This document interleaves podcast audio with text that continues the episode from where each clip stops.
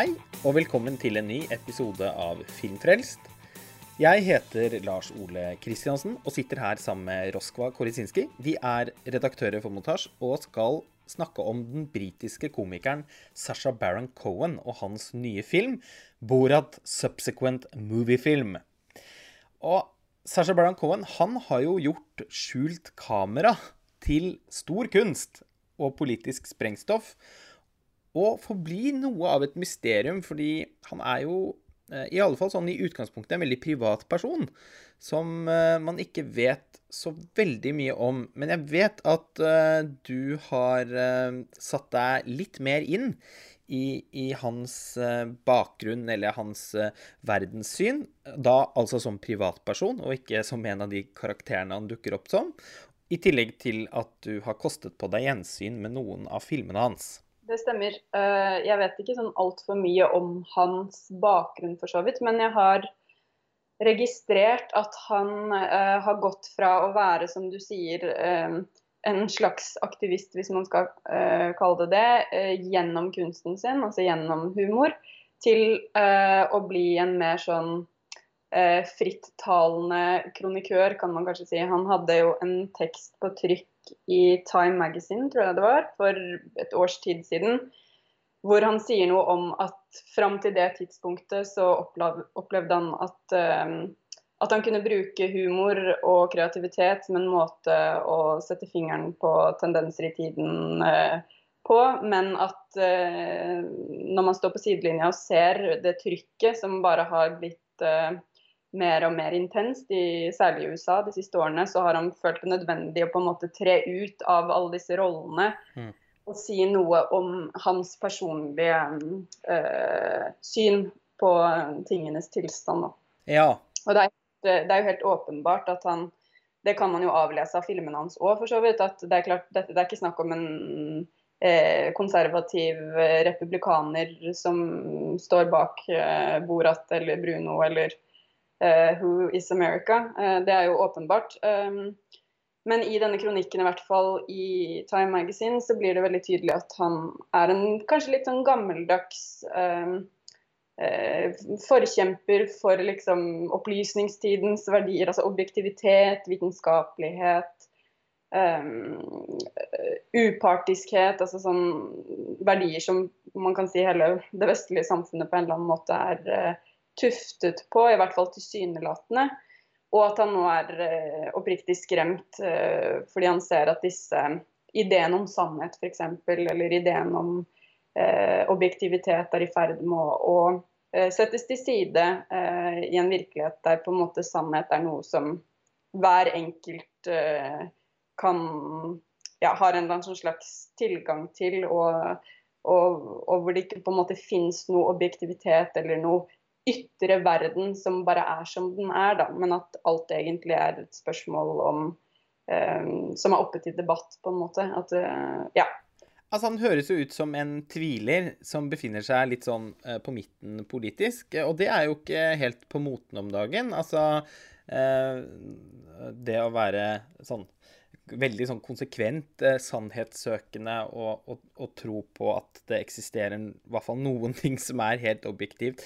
Eh, og sånn, Det kan jo for noen være nesten litt sånn kontroversielt. Eh, eh det er jo ikke, det er ikke få som eh, blir kalt for reaksjonære om dagen, eh, hvis de bringer den type verdenssyn til torgs. Nei, og samtidig kan du si han står på midten politisk sånn sett ved at han vil verne om liksom gammeldagse verdier. Eh, han er ikke en identitetspolitiker f.eks. eller en, på den måten en aktivist. Men samtidig så, så, er det jo helt tydelig at han har et engasjement for, for Black Lives Matter, for eh, kjønnsdiskriminering. Så han er åpenbart på en måte på venstresiden, eller også en demokrat, hvis man skal putte det inn i en amerikansk sammenheng. Mm. Så, så at han sympatiserer med med det vi kaller venstresiden. Det er helt åpenbart. Men samtidig, nei, han er ikke, han er ikke en venstresideaktivist på den måten at han eh, Man kan kanskje si at liksom, ytre høyre og ytre venstre speiler hverandre fordi eh, begge bevegelsene nettopp har en sånn idé om at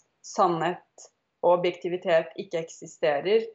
Um, mens han på den måten plasserer seg i midten, da, ved at, uh, ved at han er mer, mindre opptatt av individets kanskje personlige, subjektive opplevelse av, av, sannhet, og mer opptatt av OK, men hvordan, hvordan kan vi på en måte snakke om virkeligheten fra et sted som ikke er så subjektivt og opphetet, da. Samtidig som han har et opphetet engasjement selv på vegne av grupper som han anser som diskriminerte, da. Ja, og det er jo noe av eh, problemet eh, de, de, siste årene, og som skaper så mye polarisering, som vi ikke minst ser et eksempel på i USA nå, eh, er jo at ytterkantene av politikken ofte ligner hverandre litt. Mm. Det går litt gjennom market, begge veier. Og så skapes det en, et, et, et, klima der hvor det er veldig vanskelig å, å, å være litt Eh, moderat eller avventende, eh, eller se to sider av en sak. Så Og i så måte kan man jo si at Sasha Baron Cohen eh, sparker litt i alle retninger. Han har jo noe litt sånn anarkistisk ved seg som komiker. Og, men jeg har jo liksom følt at han, han, hele tiden forsøker å avdekke det motsetningsfulle, men også litt hjelpeløse eh, ved de menneskene han møter, uansett hvor de befinner seg politisk, og uansett hvilken klasse de tilhører. Man kan godt si at det er en, en voldsom overvekt av eh, liksom hvite, republikanske eh, arbeiderklassefolk mm. som, som, blir satt løsnese på i, i filmene hans. Men eh, eh, han er jo vel så Altså, han er jo på sitt spisseste når han, eh, eh, når han lar karakterene sine eh, gå i dialog med veldig rike mennesker. Mm. Og i den HBO-serien hans, Who Is America, så er han litt mer Der, der har han annet en, en, en, karakter som er ekstremt liberal. så, og, og, derfor også helt utålelig liberal. Altså de, de, mest uh, mennesker som da er veldig opptatt av, av, å være åpne og ikke dømmende og inkluderende og, uh, og, og, og, være opptatt av å sikre mangfold og representasjon og sånn, blir veldig Blir jo da satt på en prøve når de møter denne skikkelsen. Mm. Uh, veldig morsomt, selvfølgelig. Og, og den serien som jeg, jeg hadde et gjensyn med et par av episodene der i går, den er nok på mange måter det drøyeste han har laget. Og det matcher litt med at det er HBO òg. Eh, der har han veldig stor frihet, tror jeg, til å gjøre akkurat eh, hva han vil, uten å måtte tenke på hva slags aldersgrense filmen han lager, skal få på kino og sånn. Mm. Det gjelder jo da naturligvis også for Borat Subsequent Moviefilm, som har hatt premiere direkte på streamingtjenesten Amazon Prime. Og eh, jo må sies å være kanskje, den, kanskje det som blir stående som den viktigste koronafilmen? Ja. Det er jo hvert fall, altså Den er jo helt tydelig et produkt av de siste månedene. Både med tanke på koronasituasjonen, men også med tanke på det politiske kaoset som preger store deler av den vestlige verden, og ikke minst USA nå i oppløpet mot eh, valget.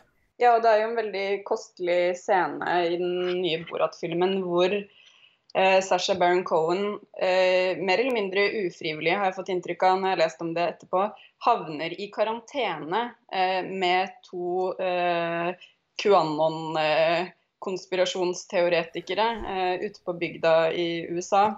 ja. Eh, som jo faktisk man, man, kan mistenke at det er staged, for som man vet, så så er stort sett materialet i filmene hans eh, eh, improvisert, eller de som deltar, er ikke klar over at de deltar i en film. Eller i hvert fall ikke i en sånn type film, ikke i en fiksjonsfilm. Eh, eh, men noen scener skjønner man, eller aner man at i større grad er iscenesatt enn andre. Men her har vi faktisk å gjøre med en scene som ikke er iscenesatt overhodet. Hvor eh, Borat eh, havner hjemme hos to ja, rednecks, da, hvis man skal bruke det begrepet. Ja. Eh, som tror på nettopp at Hillary Clinton og hennes medsammensvorne drikker blodet til nyfødte barn. Eh, samtidig som de er eh, veldig opptatt av at Borats kvinnesyn f.eks. og hans ideer om hvordan en fødsel foregår, Eh, nei, det, det, er liksom bakvendt og uvitenskapelig. Og de på en ganske sånn pedagogisk måte forteller han at nå har han rett og slett blitt utsatt for en konspirasjonsteori. Ja, blitt hjernevasket. Ja, og det er mange sånne dobbelt, uh, dobbeltheter i denne filmen som er ganske både morsomme, men også interessante å være vitne til. Da. Hvordan mennesker på en måte konstruerer mening, eh, og på den ene siden kan ha en del oppfatninger som er eh, totalt uvitenskapelige, hvis man skal bruke et sånt begrep. Eh, samtidig som eh, på den andre siden har man en eller annen form for rasjonalitet, da, og hvordan man prøver å balansere eh, de ulike verdensoppfatningene opp mot hverandre. Eh, og nettopp hvordan det medfører en del strev. Da. Ja, og den eh, altså karantenepassasjen der er jo bare helt utrolig. altså, de to kameratene som jo da eh, eh, har noen elleville eh, tanker om eh, politikken ja, i, Om politikerne i, i, USA, men som i sine små hverdagsliv der inne i den Jeg kan ikke si tømmerhytte. Det virker ganske stort. Ja. De, de er jo de lever jo litt sånn i fred og fordragelighet. De er jo kjempehyggelige mot uh, Borat. Og veldig åpne og aksepterende. Det er På et tidspunkt så går han rundt uh, med erigert penis uh, i stua der uten at noen Det de, Ingen bryr seg. Nei. Og det er også en dobbelthet, apropos dette med Altså, De er nok brydd, men de tenker Nei, nå skal ikke han føle, føle det kjipt. Vi, det, det glatter vi over. Ja, og Det synliggjør også en sånn kontrast i mennesket. Det ene er det der med at man har noen veldig eh, noen oppfatninger som er veldig følelsesbasert og basert på forestillinger, samtidig som man har noen ganske sånn rasjonelle oppfatninger og hvordan de er i konkurranse eller krig med hverandre, men også hvordan man kan leve med dem parallelt helt uten å legge merke til det selv. Og på den samme måten, i den scenen du beskriver nå, så dukker det opp en, en lignende type kompleksitet eh, i mennesket som går på nettopp det der med hvordan de representerer det i hvert fall mange nordmenn kanskje vil tenke på som innbegrepet av eh, aggresjon. da. Mm. Eh, deres verdenssyn og deres oppfatning uh, om hvordan alt er en konspirasjon, og hvordan folk bare burde plaffes ned. Samtidig som de jo er ekstremt imøtekommende og som du sier, veldig forsiktige med å skulle få Borat til å føle at han er annerledes enn dem. Ja, nei, de er veldig inkluderende. Ja, går langt for å få han til å føle seg, om ikke inkludert, så i hvert fall ikke eh, ekskludert, da. Nei, og den aggresjonen ser man jo veldig lite til der inne i den eh, Altså, de fremstår jo egentlig veldig fredfulle. Så det, det er jo snakk om bokstavelig talt innestengt eh, aggresjon. Eh, som, som, de jo gir uttrykk for eh, rent verbalt, men vi, når Borat på en måte lokker det fram. Mm. Men uh, det er også interessant å se der at ja, de, har liksom, de har gjort seg litt sånn flid med dekoren og interiøret og sånn der inne. Man, jeg, jeg, kan se at det er noen liksom, de har kjøpt inn litt sånn god mat og det, eh, det, det, er bare en sånn skikkelig eh, En skikkelig sånn tankekaramell av en sekvens fordi den bare gjør det så tydelig at ingen er liksom helt som man tror. Mm. Mennesker er så eh, er så vanvittig sammensatte og vanskelige å kategorisere. Jo nærmere man kommer, jo verre blir det. Og, i, og, det, og, det, er nettopp her jeg syns at uh, Sasha Baron Cohen um, utviser en slags humanisme, da. Selv om han selvfølgelig eh, også kan sies å være en, en, en, en mobber. Og så kan man diskutere om, det, om de som blir hengt ut, fortjener det, eller uh, om Eller ikke.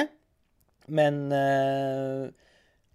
det, jeg syns på en måte at han lykkes med å få fram en viss varme òg, da, fordi at han eh, Det er jo veldig mange situasjoner han, eh, karakterene hans havner i, hvor eh, reaksjonen på de vanvittige tingene han sier og gjør, egentlig er veldig liten. Satt Mm. opp mot hvordan f.eks. du eller jeg eh, ville reagert. Altså, Folk er jo så tolerante at man mister pusten av det. Mm. Og, og man oppdager toleranse de stedene der man kanskje minst hadde ventet å få øye på det. Men så kan man jo si ja, kanskje er det en varme i det, kanskje er det en humanisme, men, samtidig så føler jeg at det også er en sånn åpenbart selvfølgelig en dyp misantropi i hans Ja. livsprosjekt. Det Ja, altså, jeg, bare, jeg prøver ikke å dra, dra noe ikke dette for langt. Jeg prøver ikke å si at, eh, at han liksom mener godt uh, med filmene sine. Jeg opplever de som bekymringsmeldinger. ja, absolutt. Og så kan du si at det er en det er en varme og en humanisme og et forsøk på å tolerere der, men som man også kan snu på hodet og si at det er feighet, eller eh, at det er gruppe... Altså sånn gruppetenkning på den måten at eh, vi vet at han kommer dit med et filmteam, f.eks., og så kanskje gir de, de seg ut for å være et at det er en helt annen type film de lager, men mange av scenene er åpenbart filma, altså ikke med skjult kamera. Eh, Ja, nei, det veksler jo. Ja, eh, og at du også Det kan jo også ses på som et uttrykk for eh, å ikke ville framstille seg selv dårlig eh, på TV, f.eks. Ikke ville framstå som Og at, at man tolererer helt sånn eh, uhørt oppførsel fordi de ikke ville tatt seg ut om man protesterte, da. Og et eksempel på det er jo f.eks. når Borat er eh, hos en fyr for å kjøpe et bur til datteren sin. Ja. Han har jo med seg sin kasakhstanske datter til USA for å prøve å få giftet henne bort til en eh, hvit, mektig amerikaner, helst da en eller annen i Trump-administrasjonen. Eh, eh, mm, og da er han innom en uh, sånn jernvarehandel, eh, en fyr som selger buret, da.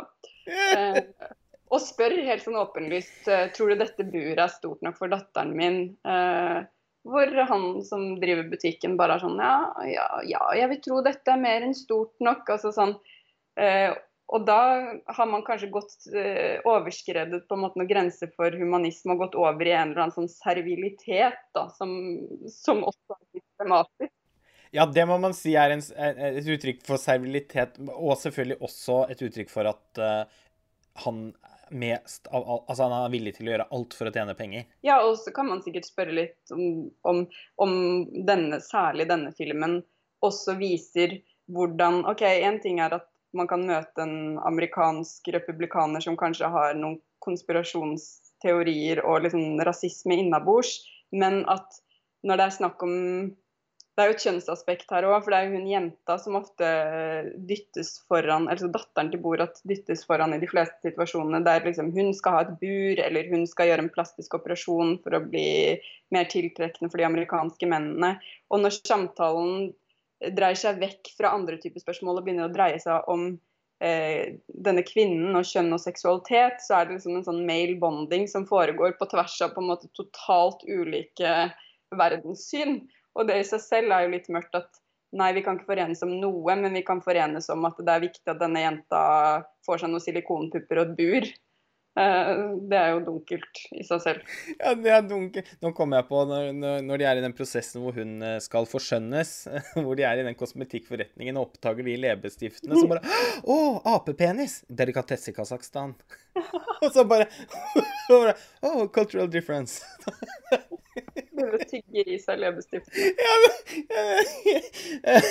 å, å, eh, det, det er jo apropos eh, amerikanske mennesker i yrket bak de, i, i, som utøver yrket sitt bak disk, som ser ut til å være villig til å gjøre hva som helst for å få solgt. Hun, eh, hun håper å si bakersken, som Ja. jobber i den bakeriforretningen Stemmer. som de bestiller en kjempestor sjokoladekake hos, hvor eh, de da skal skrive noe med eh, Altså eh, Skrive noe antisemittisk Mm. med sånn vaniljesukker eller hva det er for noe, på toppen av kaka.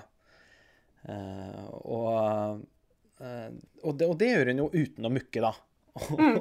og, og så oppstår det en ekstraordinært morsom situasjon i det, i da, i det Borats datter, Tutar, er det vel hun heter, eh, blir veldig opptatt av at hun også har lyst på, på, kake, og velger seg en sånn cupcake med en bitte liten sånn plastbaby oppå. De er sikkert da egentlig laget for sånn dåpsseanser og sånn. Ja, sånn baby shower. Ja, eller baby shower, ja, nettopp. Det er nok enda mer sannsynlig. Uh, og så spiser hun da den kaka, men det må hun gjøre i skjul, for i Kasakhstan kan ikke en kvinne nyte en kake. Så, så, så Borat sørger da for at hun gjør det i skjul bak en container, og da gjør hun det veldig raskt, sånn at hun svelger den lille plastbabyen. Og da må de dra til eh, søke medisinsk hjelp, da, og havne på en sånn, eh, sånn sektkristen abortklinikk. hvor de da har en sånn Hvor dialogen føres på to, på, på to forskjellige eh, nivåer som løper parallelt, som blir hysterisk morsomt når han slags pastoren, veilederen, eh, eh, der selvfølgelig da er veldig opptatt av at, at, Gud har skapt dette barnet, at det må beholdes. Mens de da snakker helt sånn praktisk at Ja, nei, det, altså den er jo veldig liten, og den, den armene Uh, står veldig sånn ut, så den blir nok veldig vond å få ut uh, uh, gjennom rasshølet, liksom. det blir bare en helt sånn vanvittig absurd eh, sekvens som eh, Ja, det er, som det er vanskelig å se på uten å dekke til synsfeltet. Ja. Mye pute-TV her. Det er det. Den derre mensdansen eh, på det debutantballet er jo også Ja, det er kanskje min favorittscene i filmen. Ja, du kan, du får, jeg, jeg, tenker at det her er ikke noe De som hører på denne podkasten, har nok allerede sett filmen, er min spådom. Så du kan sikkert eh, beskrive litt hva som skjer. Ja, det er jo et ledd i denne prosessen hvor Tutar skal bli amerikanisert. Eh, for uh, å kunne tiltrekke seg en amerikansk mann. Og som et ledd i den prosessen så tar Borat henne med på et eh, sånn erkeamerikansk debutantball, da, hvor fedre kommer med døtrene sine for delvis å vise fram deres skjønnhet, delvis skryte av deres bragder. Altså etablere dem i på en måte sosietetslivet. Eh, og da skal jo far-datter-parene gå polynese, og hver datter eh, presenteres av en oppleser som forteller om hvor hun er fra, og hva hun har studert, og hvilken familie hun kommer fra, osv. Og på et tidspunkt så ber da Borat om at han og datteren, fordi det er helt åpenbart at de kommer fra en annen kultur, det er vel litt uklart for de andre deltakerne akkurat hvor de kommer fra, men de syns jo det er litt spennende og veldig rart da med disse eksotiske menneskene som oppfører seg så merkelig. Mm. Så Borat foreslår at de skal danse en tradisjonell dans fra stedet de kommer fra. Og her snakker vi liksom om ganske konservative mennesker, 14-15 eh, år gamle jenter kledd opp i bløtkakekjoler fedrene deres i dress. Sånn veldig tilkneppet uh, tilstelning. Uh, hvor Borat og Tutar da inntar uh, dansegulvet.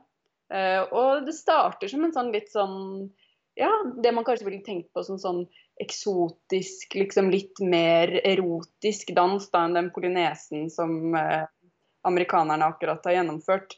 Men så utvikler det seg til at til å bli en sånn slags um, fruktbarhetsdans. ja. Hvor tutar sakte, men sikkert begynner å dra opp skjørtekanten. Uh, og du ser bare sånn ansiktene til publikum at de bare OK, hva er det som skjer nå? Og så viser det seg rett og slett da at hun uh, har mensen. Uh, og ikke sånn litt, ikke en dråpe som renner. Sånn, veldig heftig mensen. Veldig heftig mensen uten tampong, for å si det sånn. Og det bare er et sånn blodbad mellom beina hennes som hun på en måte nærmest liksom jokker mot publikum med det veldig blodige underlivet, og Borat på en måte nærmest borer ansiktet sitt ned i det. Og bare se de reaksjonene. ja, det er helt hos publikum er kostelig. Ja, det er ekte smil til det skjulte kamera. Ja. det er jo helt uh, Ja, det er på linje med den uh, nakenbrytingen i den første filmen. Det husker jeg ikke så lenge siden jeg har sett. Når den krasjer en sånn uh, konferanse på et, på et hotell Nei, helt ja. Jeg, ja, jeg, så filmen på nytt igjen i går. Det var hysterisk, det òg. Uh, nei, det, det, det finnes jo utallige eksempler på, på scener da, hvor han, eh, hvor han lykkes med å eh, Med å gjøre oss som tilskuere eh, vel så utilpasse som de han møter. Mm. Og, og, sekvenser hvor han da bare også liksom Han vet hvordan han skal sjokkere. Og det er jo den, den dansesekvensen den, et, et, et, eksempel på. Ja, og en annen ting jeg føler den scenen er et eksempel på, som man kan sammenligne litt med sluttscenen i Bruno, hvor, eh, hvor eh, denne karakteren kommer opp i en boksering. Han har på en måte vært gjennom en sånn eh, hva heter det, konverteringsprosess. Bruno skal ikke lenger være homofil. Eh, så nå har han blitt en sånn erkeamerikansk eh, redneck-type og skal Eh, eh, infiltrerer en sånn slags boksematch. da, For å vise hvor hetero han er. Eh, og så ender den scenen opp med at han en mann kommer opp i bokseringen, altså Brunos assistent, som han har hatt et slags sånn hat-elsk-forhold til gjennom hele filmen. Et slags kjærlighetsforhold til. Og de da begynner å, midt i brytekampen, begynner å kysse. For så å begynne å kle av seg og liksom være veldig sånn erotiske med hverandre. Eh, de reaksjonene som publikum har altså Det er jo så voldsomt mye aggresjon som slippes løs hos dette boksepublikummet. Eh, og Sasha Baron Cohen har jo uttalt senere at han nesten frykta for livet sitt under innspillingen av den scenen, fordi de gikk jo til angrep. altså De kaster stoler inn på arenaen mens de bare fortsatt, fortsetter å, å kline og beføle hverandre og sånn. Og det er en sånn dobbelthet i den scenen som også finnes i den dansescenen eh, i den nye Bruno-filmen, hvor det på et eller annet vis Det som skjer, altså at de danser denne fruktbarhetsdansen mens mensblod renner, eller at disse mennene kliner på scenen, i seg selv instinktivt får oss til å tenke sånn Å nei, de kan ikke gjøre det. Samtidig som eh, eh, Som filmskaperen samtidig sier ja, er det det at de ikke kan gjøre det, eller er det på en måte reak Altså, vi skjønner Det er jo egentlig reaksjonen som er drøyest, altså reaksjonen til publikum. Selvfølgelig, nå kan ikke det sammenlignes kanskje å, kline med en mann i en boksekamp og det å danse med, eh, med mens blodet renner, men allikevel det er litt beslekta, fordi begge deler er jo egentlig liksom eh, Det ene er egentlig bare å vise fram homoseksualitet, eh, og det andre er egentlig bare å vise fram kvinnelighet. altså sånn for en kvinne å ha masse blod rennende ned mellom beina er ikke i seg selv egentlig en veldig dramatisk uh, opplevelse. Men det er det at det passer ikke inn. Uh, de sosiale kodene tillater det ikke. Og det, og det, at vi på en måte ler og gremmes over hovedpersonene, samtidig som vi på en måte aner at det egentlig er publikum vi kanskje burde gremmes over, og vi gremmes over dem også, selvfølgelig. Den dobbeltheten der tenker jeg at er liksom betegnende for hele prosjektet hans. Ja, det er veldig sant. Eh, det var vel i og for seg en situasjon han, der han fryktet for livet under innspillingen av Movie-filmen eh, også? Ja, det er den scenen hvor han synger på en sånn QAnon-konferanse, holdt jeg på å si. Um, en sånn alt-right-samling. Uh, uh, hvor det begynner å gå rykter i publikum Det ser vi ikke på filmen, men det leste jeg om etterpå. At det begynner å gå rykter i publikum om at det er Sasha Baron Cohen som har kledd seg ut som denne countryartisten som synger en, eh, en Trump-vennlig vise på scenen. Og når publikum da skjønner at For de har stått og jublet til sangen som er sånn eh, utrolig rasistisk. Eh, og demokrathatende sangtekst. De har stått og sunget med og vært superfan av denne countryartisten, og så skjønner de å nei, han mener ikke det er Sasha Baron Cohen i utkledning som gjør narr av oss. Og når de forstår det, så, så selvfølgelig pirker det bort i et sånt voldsomt raseri, hvor de stormer scenen. Og har sett noen sånne opptak som ligger ute på nettet av den flukten til Sasha Baron Cohen som det er lett å le av i ettertid, men som selvfølgelig er helt ekstrem fordi han frykter jo for livet sitt. Han har på seg skuddsikker vest, da, det skal sies. Men, men, det hjelper jo ikke nødvendigvis hvis 200 folk har lyst til å jule deg opp. Og hvor han har en sånn bilflukt, hvor han fysisk liksom faktisk må holde bildøren fast mens bilen kjører, fordi det er så mange som prøver å rive han ut uh, for å ta han. Oh. Det burde vært inkludert i, i filmen. Ja.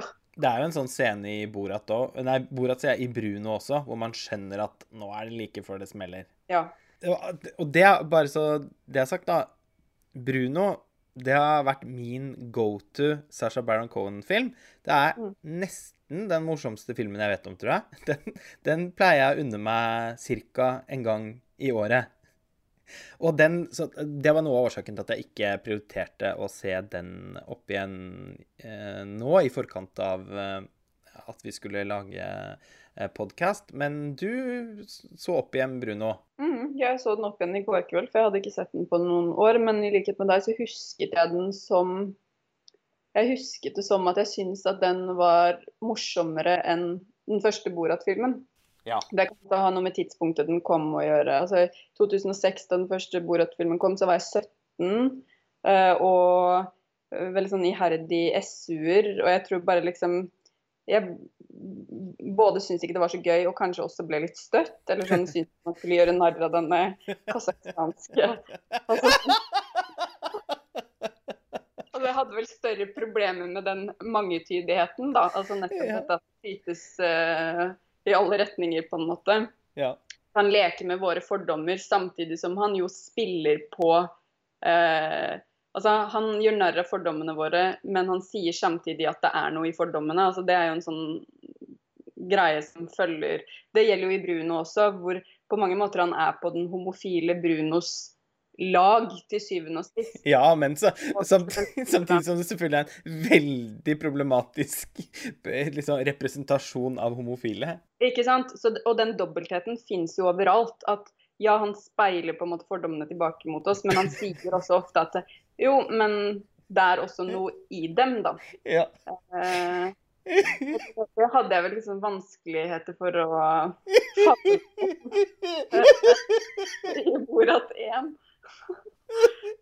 Mens Bruno er lettere, var kanskje lettere å le av nettopp fordi den i mye større grad gjør narr av en kultur som, som føles som min egen, da, også. Eh, det er kanskje lettere å le av den, fordi den tar veldig for seg kjendishysteri, ønske om å være en superstjerne, hvordan eh, viktige politiske saker bare brukes som, som, på en måte merker på jakkeslaget, framfor at man egentlig bryr seg om, om den reelle på en måte, virkeligheten som ligger bak.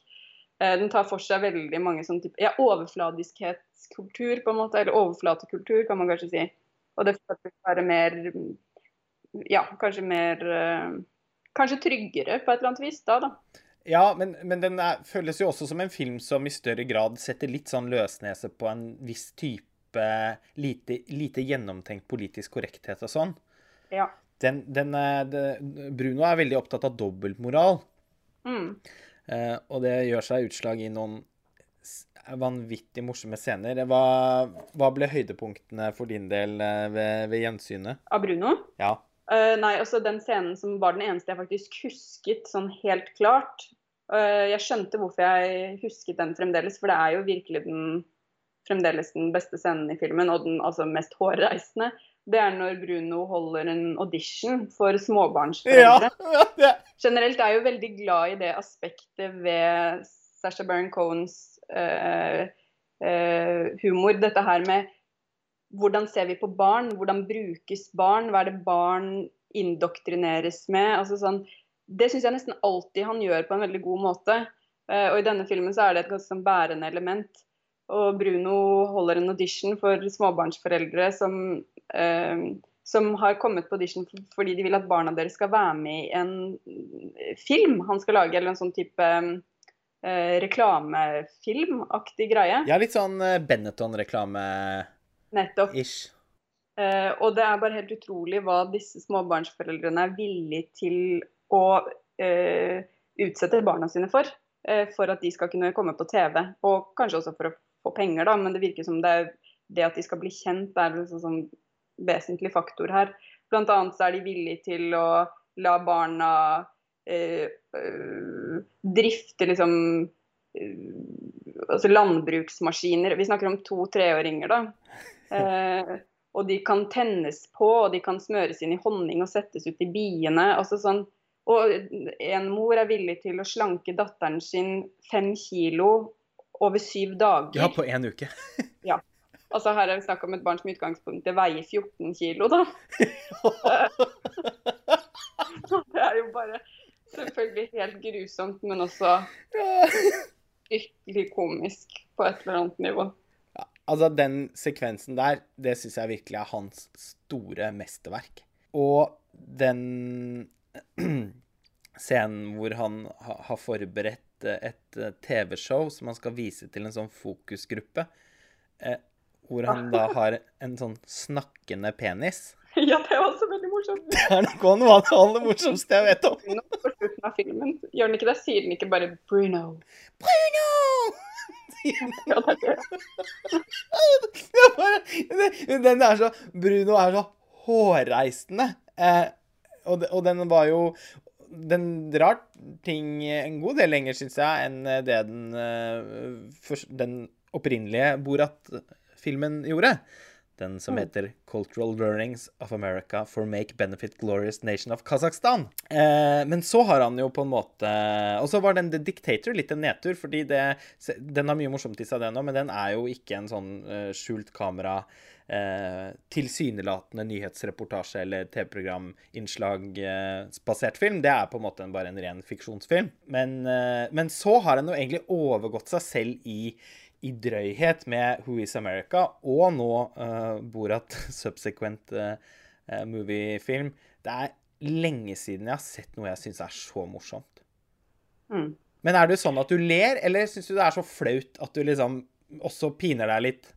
Jeg ler ikke så mye. Eh, jeg lo mer av Bruno enn av Borat eh, nå også, altså den nye Bruno-filmen. Ja. Nei, nye Borat-filmen. Eh, men det skal mye til før jeg ler Det høres ut som den tørrpinnen, men Det skal ikke det mye til før du ler i virkeligheten da, Roskva. Det kan jeg nei, bekrefte. Nei, det skal mye til før jeg ler av noen som vil at jeg skal le av dem. Altså ja. sånn type standup le nesten aldri av. Nei, nesten aldri morsomt. Komedie ler nesten aldri av. Altså, sånn, jeg er også en kjempekjip tilskuer, altså, selv om jeg ler veldig mye sånn i hverdagen. Eh, og i sosiale settinger, og ofte syns at menneske, virkelige mennesker og situasjoner er hysterisk morsomme, så er det overraskende hvor eh, mye som skal Altså, jeg, jeg blir, kan òg bli nesten litt sånn derre sur av, eh, av ting som skal være morsomt, som jeg bare ikke syns er morsomt. Ja, det er litt forholdet mitt til det òg. Og jeg, jeg, lo ikke veldig mye da jeg så den nye Borat-filmen, men, men, av litt andre grunner eh, enn at jeg ikke ler av en standup-komiker. Jeg tror jeg, Hovedgrunnen til at jeg ikke ler, er jo fordi, um, fordi det er så drøyt. Så jeg blir sittende mer og være helt sånn uh, sjokkert eller um, oppslukt av situasjonen. Jeg lurer på hva som skal, hva kommer til å skje nå, hvordan vil de reagere. Altså sånn, jeg blir så fokusert på det som foregår, at, at det på en måte Det komiske elementet forsvinner litt for meg. da. Eller så det er der, men, men, men, ikke på den måten at jeg ler. Jeg blir mer sånn Wow, hæ? Kan han Og så blir jeg sittende og tenke også Hvordan våger han? Altså sånn, Det er jo en stor del av, eh, av appellen, på en måte, er jo nettopp det at vi kan sitte og se noen gjøre noe som vi aldri ville ha våget å gjøre selv. Altså sånn, enten fordi det er farlig, men først og fremst fordi det bare bryter med så mange konvensjoner.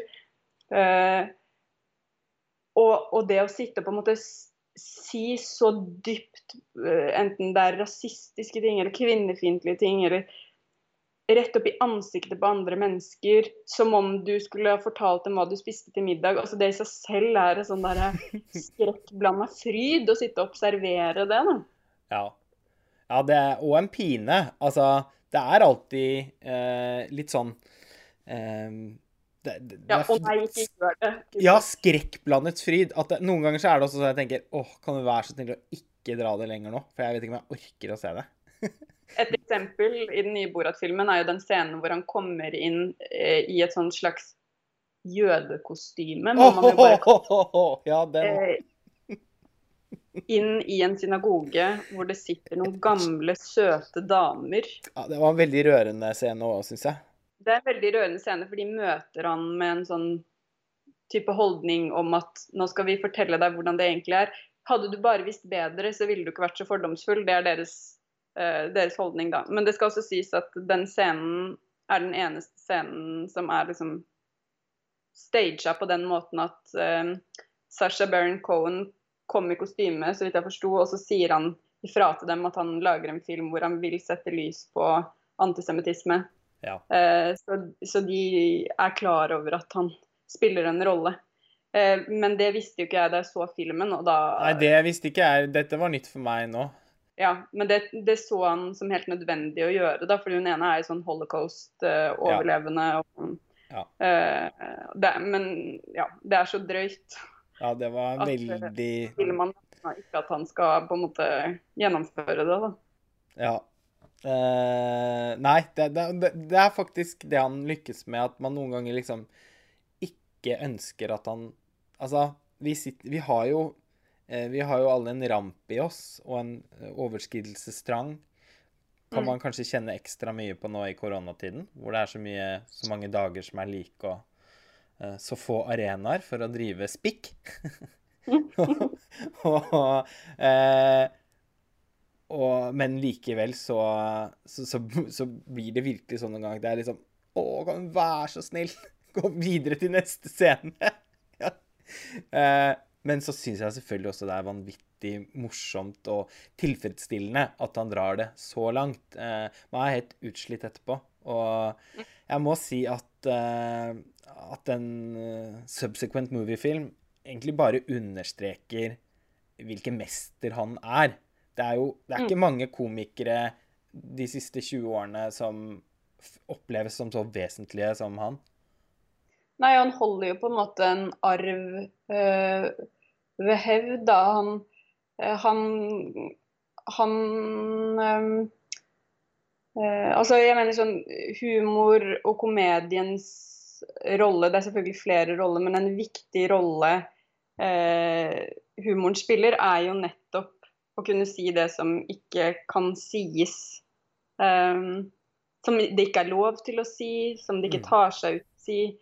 Eh, og det er ikke så mange som gjør det lenger, kanskje også fordi eh, særlig kanskje i Norge, men muligens også i USA, at, at grensene for hva det er lov til å tulle med, har blitt pusha så mange ganger at, at man nesten har blitt litt sånn eh, blaserte. Og så ser vi kanskje nå en tid hvor det settes opp flere grenser igjen, og ting blir mer brennbart, og det er farligere å, å ytre seg. Men, men fram til nå så har det på en måte vært en sånn jevn eh, forflytning av grenser, da. Ja, og nå føles det jo som om grensene flyttes litt tilbake igjen, og så, som nettopp da skaper et rom for den litt sånn subversive humoren. Ja, og jeg tenker selv før de grensene kanskje eh, ble tydeligere igjen, så klarte han allikevel å gå så langt at han opprettholder eh, Grensen. som en sjanger som er grensesprengende, da. Ja, helt klart. Altså, skal alltid gå langt nok. han, han er en Eh. portvokter som flytter porten. Mm. Uh, det er veldig sant, for det, og, og det er kanskje noe av grunnen til at jeg sitter igjen med en så, såpass stor begeistring for filmen nå. At, jeg, at det føles litt sånn som en rus. At ja, ja! Det, det, det er ingen som skal fortelle han hva han får lov til å gjøre og ikke. For det er det åpenbart ikke. Nei, nei altså sånn det Det virker som man bare overhodet ikke har noe Altså Han er jo helt åpenbart et menneske, så en eller annen sårbarhet må han ha, men det framstår som om han er helt totalt upåvirket av eh, Ja, av alle disse, disse tingene som begrenser oss andre, da. Noe som også er viktig å påpeke, er at filmene hans har skikkelig gjensynsverdi. Altså, nå har jeg sett Bruno sikkert 20 ganger, men, eh, og den, og den, si, den skuffer aldri. Eh, men eh, gjensynet med, med Borat i går, og, og, og bare nyforelskelsen i subsequent moviefilm eh, jeg har jo lyst på mer. Det er jo det jeg kjenner. Mm. Når jeg så opp igjen et par av episodene av Who is America, så fikk jeg lyst til å se alt sammen på nytt. Og jeg kan ikke vente med å, å, å se subsequent movie-film både to og tre ganger til. Også fordi jeg vet fra gammelt at filmene hans også ofte blir enda litt morsommere når man ser dem flere ganger. Mm. Fordi eh, noe av flauheten slipes ned. Og det, og det blir litt enklere å bare sette pris på de gylne liksom, det komiske gullet da, som er inni der. Ja, jeg tror, øh, jeg tror nok den sjokkeffekten i veldig stor grad er det som gjør at jeg øh, at jeg syns det er gøy å se filmene. Så jeg tror kanskje at det er en litt annen opplevelse. At det kan slipes litt ned på en måte som gjør at det blir litt, litt kjedeligere å se det igjen. Men øh, men sånn som med Bruno, så hadde jeg jo glemt veldig mange av scenene, så da får du den der sjokkeffekten en gang til. Ja, ja det er klart. Lenge nok. Så. Men sånn som den scenen fra Subsequent Movie-film med han som drar inn i en elektronikkforretningen for å kjøpe seg uh, det han tenker at er lommekalkulator, da. iPhone. Og Ja, det er altså så Det kan jeg ikke vente med å se en gang til. Åh, oh, jeg kjenner jeg syns dette, jeg, synes dette litt er en av årets beste filmer. I det merkelige året 2020. Skal vi runde av der, Roskva? Det kan vi gjøre. Takk til alle dere som hører på Filmfrelst. Vi er straks tilbake med flere episoder. Ha det bra. Ha det bra.